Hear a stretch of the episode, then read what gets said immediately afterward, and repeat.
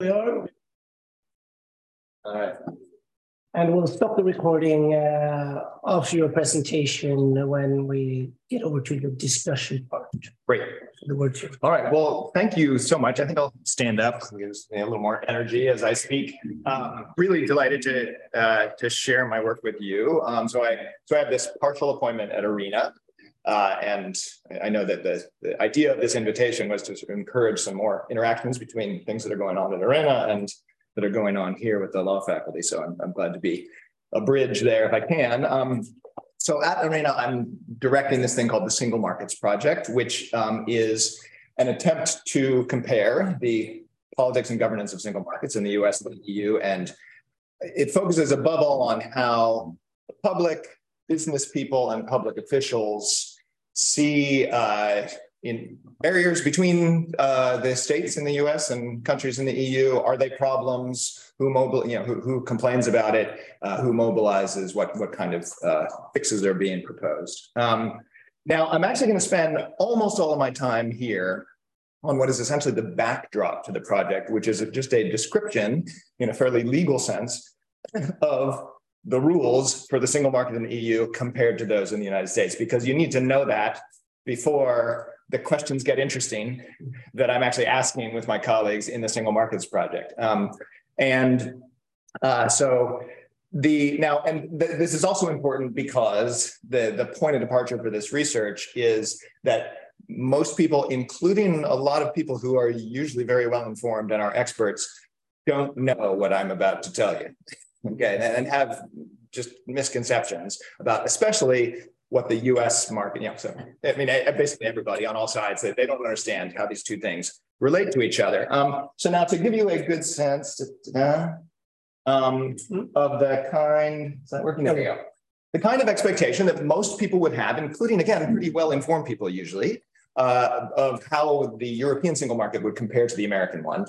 Look at something like so. There, there was an economist special feature on the European single market back in 2019, and the main message was that the single market isn't working very well, that it's very incomplete, uh, right? It's in parts it's incomplete, and in others actively going backwards. And it, just in passing, they refer to an American comparison that the EU is trying to be a single economic zone, much like America, with nothing to impede the free movement of goods, services, people, and capital. Okay, so now, and I, I, think that fits a lot, a lot of broad expectations about what the United States is imagined to be like relative to the EU single market. Um, now, consider, however, uh, one, I'm going to start out with one example that suggests that this doesn't seem right. And the economist, even the economist is usually pretty well informed, but in this case, they just don't know what they're talking about. Um, so uh, there is a court case uh, currently uh, coming before the US Supreme Court um, that has to do with California animal welfare laws. Okay, a few, a little while ago, they passed laws about cage-free hens for eggs. And then they added to it more recently, uh, this was a referendum thing, uh, requirements on how you raise pigs. Okay, and you can't sell pork in California unless it meets these regulations. Um, now, California doesn't actually produce any pork. Okay, it gets 99.8% of its pork from other states. Okay, so this is a regulation essentially on the production of pork in the rest of the United States, not really in California. And the Iowa pork producers have taken California to the Supreme Court to say that this is against the Commerce Clause of the American Constitution, which assigns to Congress, the federal Congress, responsibility for interstate commerce. And here you have California clearly regulating interstate commerce in an inappropriate way. Okay, now, I'm going to come at the end of my remarks, I'm going to come back around to what's going on with this case. Uh, but the short version is it's the Supreme Court is probably going to uphold the California regulations. Okay, they're not going to strike it down on the basis of the Commerce Clause. Um, now, consider, however, what how a similar thing would run in Europe, and there is a similar thing. So Austria is famous for its strong animal welfare laws, okay, which are indeed stronger than those in most other EU member states. But because of the rules of the single market, Austria's animal welfare laws only apply to Austrian producers. Okay, so the Austrians can't keep off of their market eggs that meet the lower EU standards, right, uh, or pork raising standards, right? And of course, the Austrians and lots of other people are trying to raise the animal welfare standards across the whole EU. This is contested to some degree, but the, the single market, right, uh, has such strong principles in the EU that, uh, and, and this shows up across almost a lot of different regulations that the national members are allowed to raise their standards for a variety of things that but only can apply them to their own producers whereas it's the eu that sets the terms for whether goods and services and capital and people can come in onto your market from from other member states. Um, so this example at least seems to suggest that there's a more complete single market in, in sort of openness terms uh, in europe than in the united states and so now i'm going to make that argument more broadly for you that sure enough, EU, the EU has much stronger single market rules than the United States. They are much more systematically complete. They are much more actively enforced. The US has never had a, a conscious single market project that is anything like what has gone on in Europe. Uh, and and it, it, has actually much, much weaker uh, principles of, of openness across the states. Um, American states have a good deal more regulatory autonomy to set conditions on how goods or services or capital or people come into their onto their markets than France or Germany do. Okay, if, California has more such autonomy. So uh, let me lay that out for you.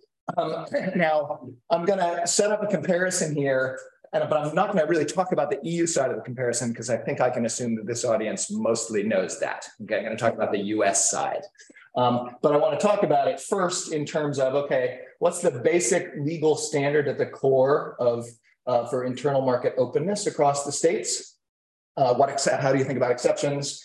Uh, how if if this is about legal standards, then it really matters if you know this is the activity of courts, but then do, does that get turned into legislature, you know, into, into statutes? Uh, and then once you have statutes, they might get administered in various ways. Um, so the, the, hopefully this looks a little bit familiar from your EU law classes at some point. Um, so consider the American analogies. Um, so this, of course, is a very strong standard. In fact, it's a little hard to imagine a stronger standard for what could constitute a violation of rules of openness, right? Uh, that, you know, anything that could make less attractive the provision or the selling across borders. It's a very, very strong standard. The American version is that the Supreme Court interprets that Commerce Clause to bar states from purposeful discrimination. Okay, so it has, so in principle, something doesn't meet that's, you know, fails against that standard only if there is no other reason why the statute, like it has no public purpose other to, than to be discriminatory against. And of course, there have been such protectionist rules to strike down over time, right? But um, now this, this relates to, in terms of the logic of exceptions, I mean, this, this is actually such a weak standard that it's, it's not even sure you really need to say that there's a logic of exceptions. Uh, but in, in Supreme Court discourse about this, um, they, they talk about a balancing standard where if a state uh, rule is balanced by some public purpose and, and there's a balance between the purpose it achieves versus the burden on interstate commerce, then it can be justified by that if it's balanced. Okay. But if you think about it, this is really just a sort of a restatement of this rule that, that if the state rule has some purpose other than just discrimination, then you can usually keep it. Okay. And so that's part of the argument about the California pork thing. It has a purpose of animal welfare. And so it'll, you know, in principle, it could pass uh, the notion because it's, it's, it's achieving a public purpose, um, even if it has, it does create a burden on interstate commerce. Okay, now the really big differences, uh, I mean, th those, these are big differences legally, uh, but the really big differences get into when you look at legislation and the degree to which uh, the you know policymaking legislative process has act has turned these kinds of legal principles into a body of, of, of statutory law. The EU has been working at that very, very hard. Okay. And so, and, and notably, right, so there's this whole vast single market legislation area. And one thing to highlight about it is that a lot of it is quite general, right? So, like the services directive covers vast areas right? Okay. Now, if you look, you go looking for anything similar in American legislation, you can find some things like the Interstate Banking Act uh, in the mid 90s, which free, it was definitely a sort of single market style liberalizing uh, piece of legislation. But there's actually astonishingly little of such legislation where the main purpose of the legislation or even an announced purpose of the legislation is to essentially require the American states to be open to each other in some sense. Uh, and now, more generally, American federal legislation is extraordinarily idiosyncratic. It's sector by sector. There's very little general legislation uh, at all. And again, almost none of it is actually aimed directly at interstate openness. It's much more broadly what you could consider prudential. Uh, you know, so it's about consumer protection, safety, you know, safety standards, uh, environmental standards, right? There's, there's, a, there's a lot of federal legislation. It's just if you go looking for stuff that is that is trying to speak to interstate openness, not much. Okay, now I'm going to come back to that in a little bit more detail in a second. Um, but then, so given a fairly weak standard legally, almost no legislation devoted to implementing that standard, it won't surprise you to know that there's nothing in this box. Okay, the federal government and this is partly about the structure of American federalism, which is uh, was originally thought of as dual federalism, where the, the federal government sort of does its thing and the state does its thing. And that, of course, is radically different from the EU, where the EU has very few resources, doesn't do much directly itself, and almost entirely acts by requiring things on the member states, right? So that's a, that's a fundamental difference in the overall structure. Um, but there are a lot of things that the federal government does enforce and chase the states around to do, but not openness. It doesn't doesn't do that. Doesn't have anything like you know the infringement proceeding, you know, sort of all, all the things that the EU has built up to enforce its fairly capacious and systematic openness rules. Okay, now I want to drill a tiny bit more into this box here um, to, because uh, we did some cool counting of things, my colleagues and I. Um, so if you, um, let's see, get up to my notes here. Um, so we went looking for, to, to be more systematic about this, you know, so how much American federal legislation could be counted as sort of single market style legislation. And now, fortunately, some other people had gone through the vast amount of federal legislation and designated um, statutes that were preemptive in some sense. And so preemption in the American context means uh, a federal statute that tells the states that they tells that they have to do something or can't do something. So it directly tells the states what to do. Okay. And again, given this sort of dual federalism backdrop, a lot of federal legislation doesn't do that. It's just an activity of the federal government that is separate from what the states are doing. But there is a fair amount of preemptive legislation. Uh, and so we went through and coded 700 statutes since the beginning of the Republic um, uh, to see, and we gave it a, the most generous possible definition that we could come up with of something that would be related to sort of single market purposes, which were that if the statute or committee reports or a thing called the Congressional Research Service, which writes things about every piece of legislation or, or their reports. We look for if there was any mention in any of those texts about a desire for openness or also to reduce fragmented rules across the states, any of those themes, we coded that as a single market oriented legislation. And now this is super generous coding because so there is examples, let's see, one of my favorite examples of something that we did code as a single market oriented uh, piece of legislation, but is pretty obviously not. Uh, so the Controlling the Assault of Non-Solicited Pornography and Marketing Act of 2003. It's a consumer protection law about pornography.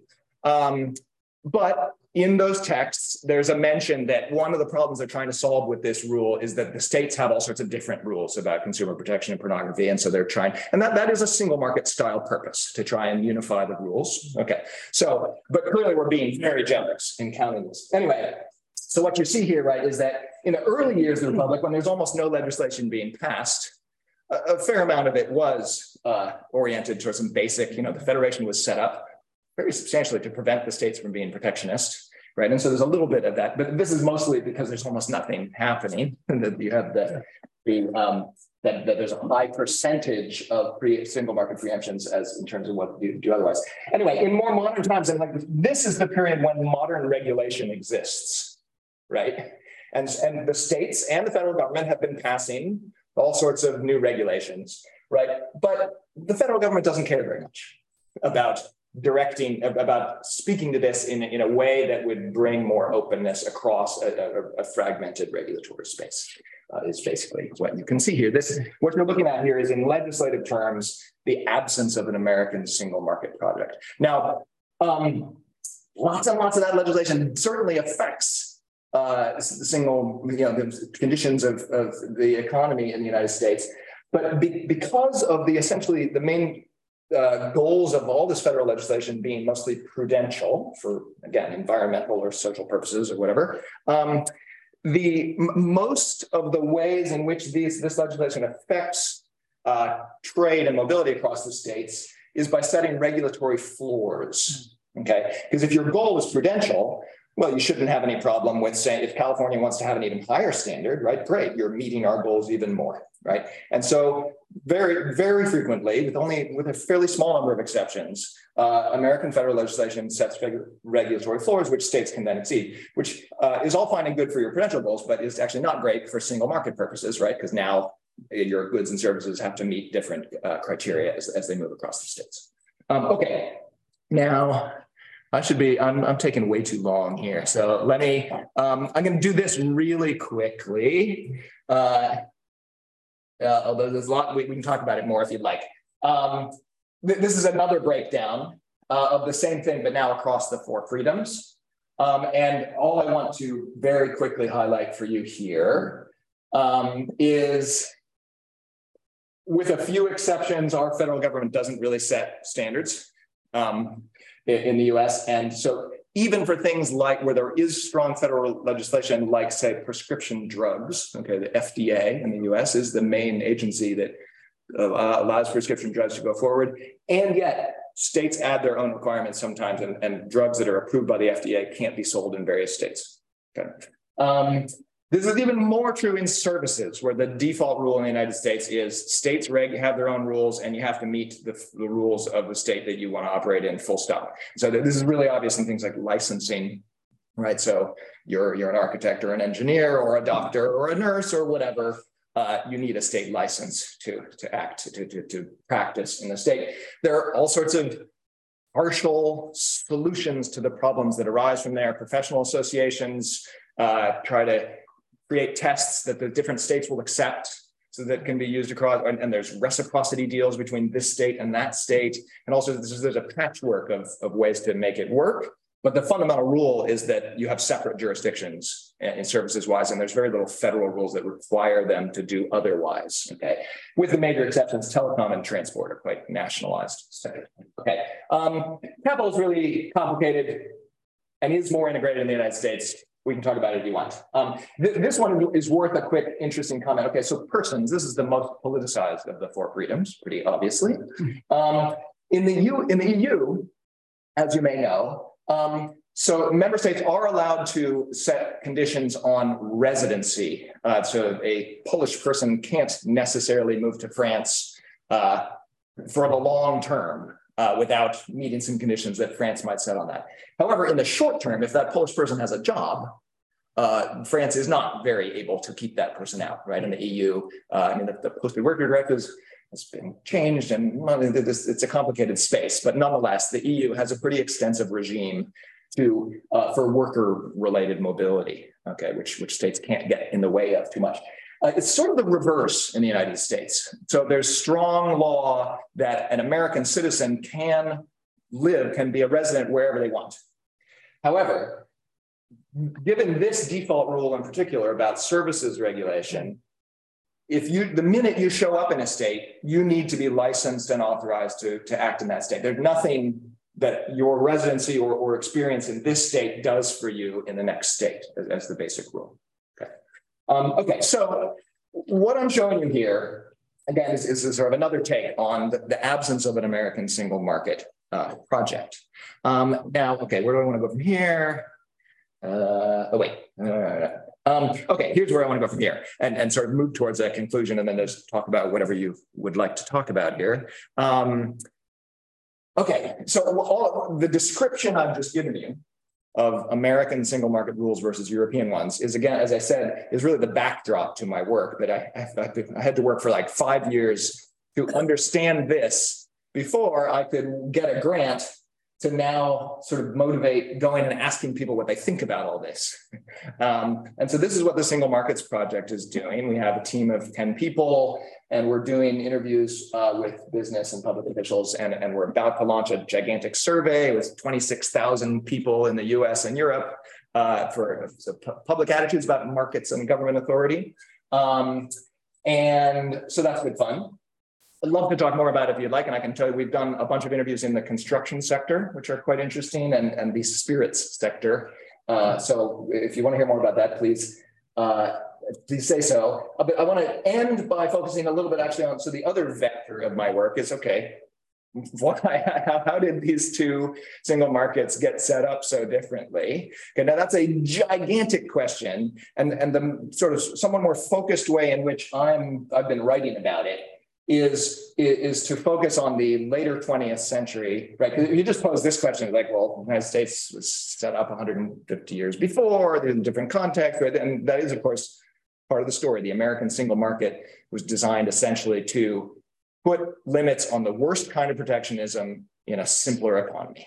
And it never developed a much more aggressive modern regulation style single market project, right? So there's that historical story. But there's a more interesting and contemporary way of posing the question, uh, which is if we look at the later 20th century, okay, so start, let's start around 1970 is the cutoff that I like to take. Um, that is a time when we're going to get into the neoliberal political era, right? There's a movement towards or back to pro-market politics, both in Europe and the United States. In Europe, you know the story of what happened, right? The EU single market is, is, a, is a major, arguably a major thing that comes out of neoliberal politics uh, in, in Europe. Um, but so I, I want to pose the question so, what was the US doing?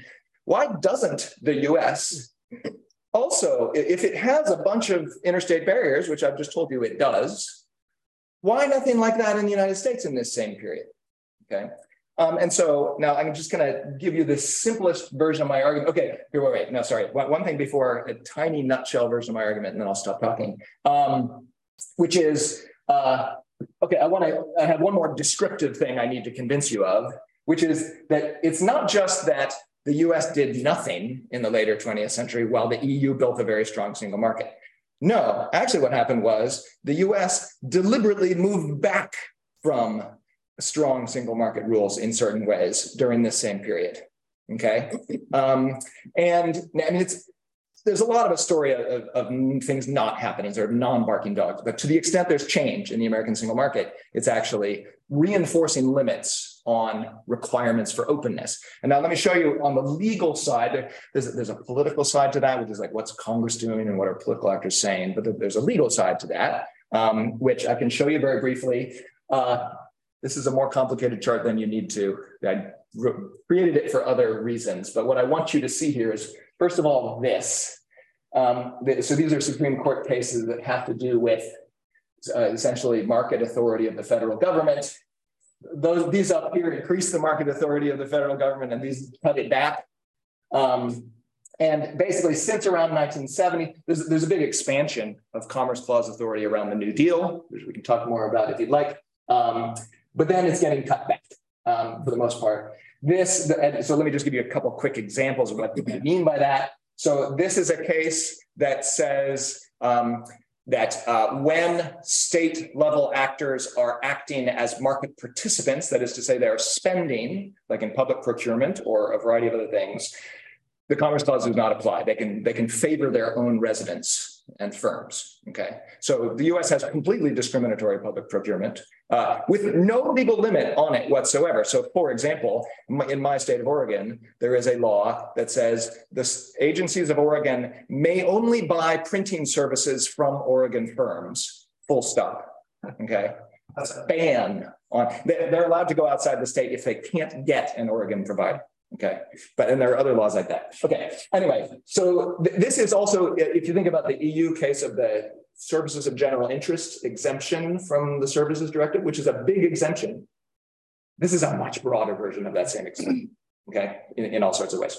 Um, another thing uh, that happens right in this, um, the anti-commandeering doctrine. This is a doctrine that says the federal government can't uh, directly commandeer the resources or personnel of the states to achieve its goals. Okay. Now, again, that, that's a principle that goes way back in this notion of dual federalism. Federal government does its things, the states do this thing, but it gets confirmed and consolidated in the 1990s. It's not a vestige from the, I mean, it, it, does come from long ago, but it's it's it's not, you know, it was revisited and reconfirmed more strongly, actually, by the Supreme Court in the 1990s, which again, very much gets in the way of if the federal government wanted to do a lot of the things that the EU does, like tell the states that they can't be discriminatory in public procurement or something, they, this was, would, be one of the things that they would be up against, okay, the anti-commandeering doctrine.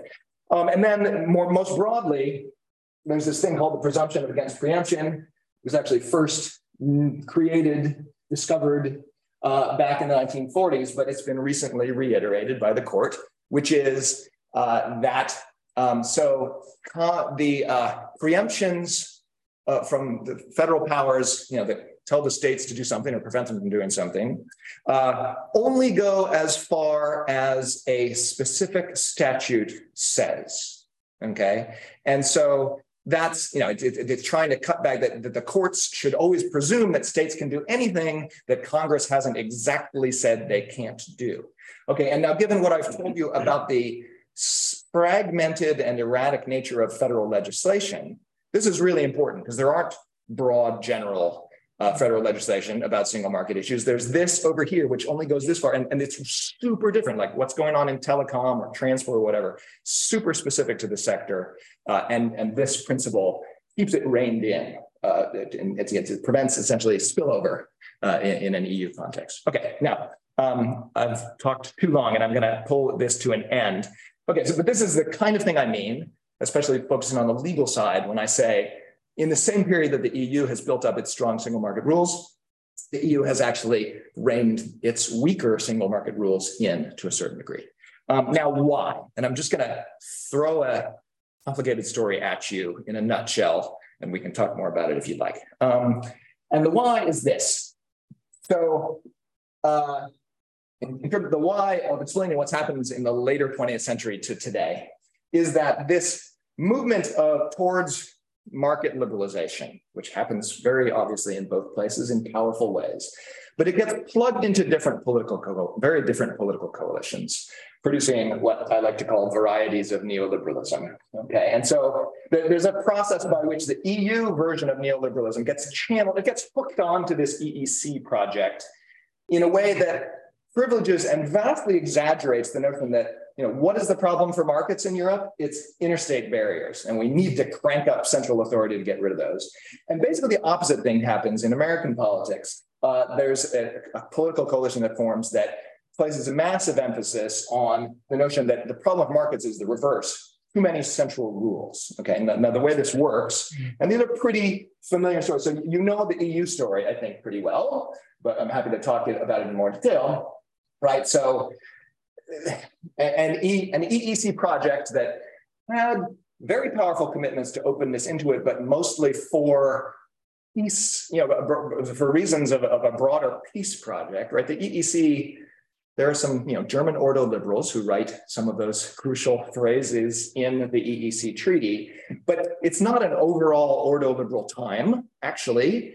Uh, the ordo liberals didn't much like the EEC, most of them. They, they thought as a French dirigiste creation, right? And so in its early years, the EEC is not, even though it has some of this strong pro-market language in it, it, nobody thinks it's actually going in that direction. And it's not really till the 1980s when there's an intersection between the EEC institution building project and this neoliberal push and you get the single market in 1992 and you ramp up the central authority and you and you go much deeper okay and of course the European Commission and a very bold court effectively sort of do this dance together and move it forward.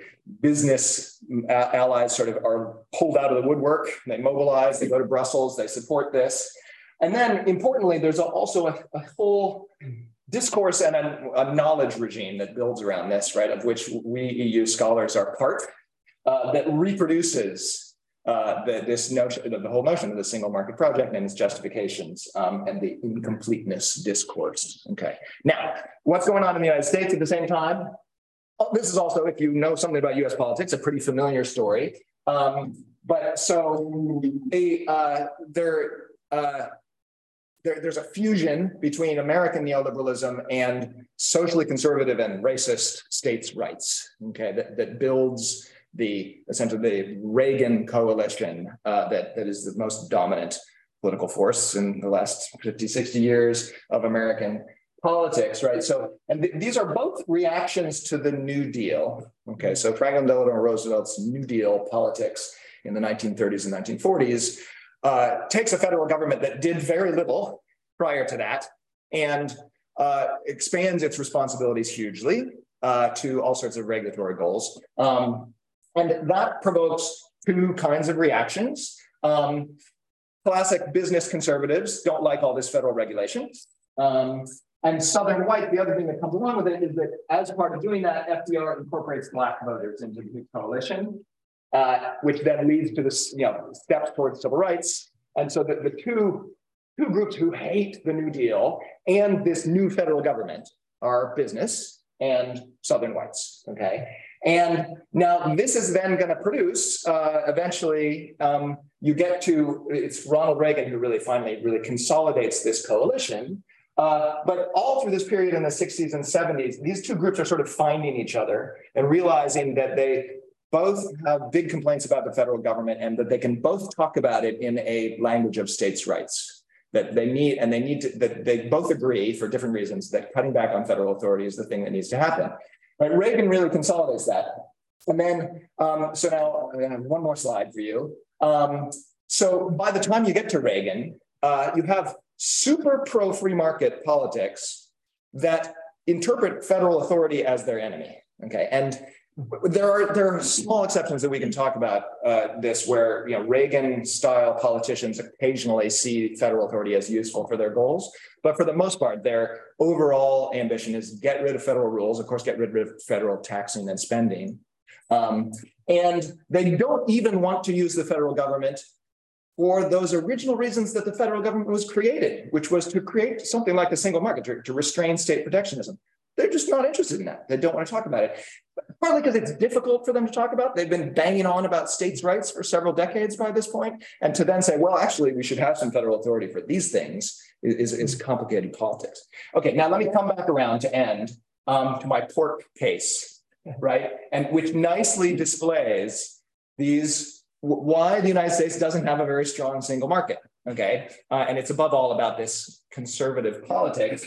Um, Okay, so so California is saying we should be allowed to have strong animal welfare rights because that's a public purpose, right? And you, the federal government, can't stop us from doing that. Um, that it's not super surprising that the most left-leaning justices are sympathetic to that because the left is, is, not about building single markets very much and is about a lot of prudential goals. Okay, um, so they're going to vote for California, but actually the people that everybody absolutely knows are going to vote for California uh, are these guys.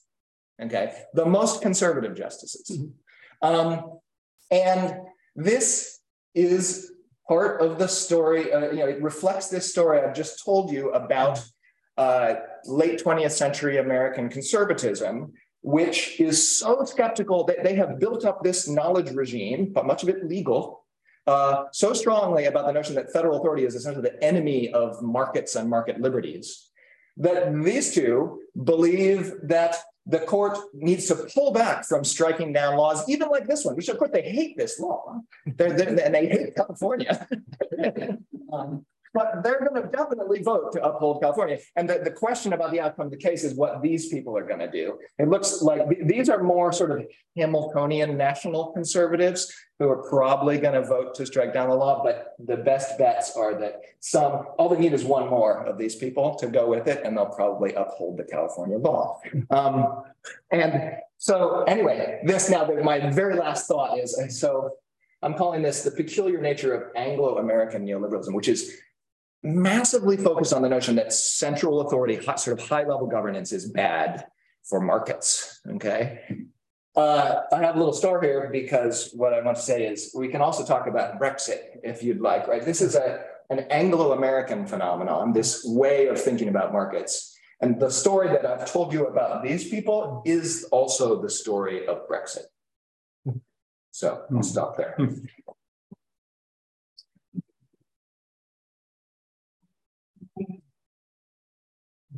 The recording now, and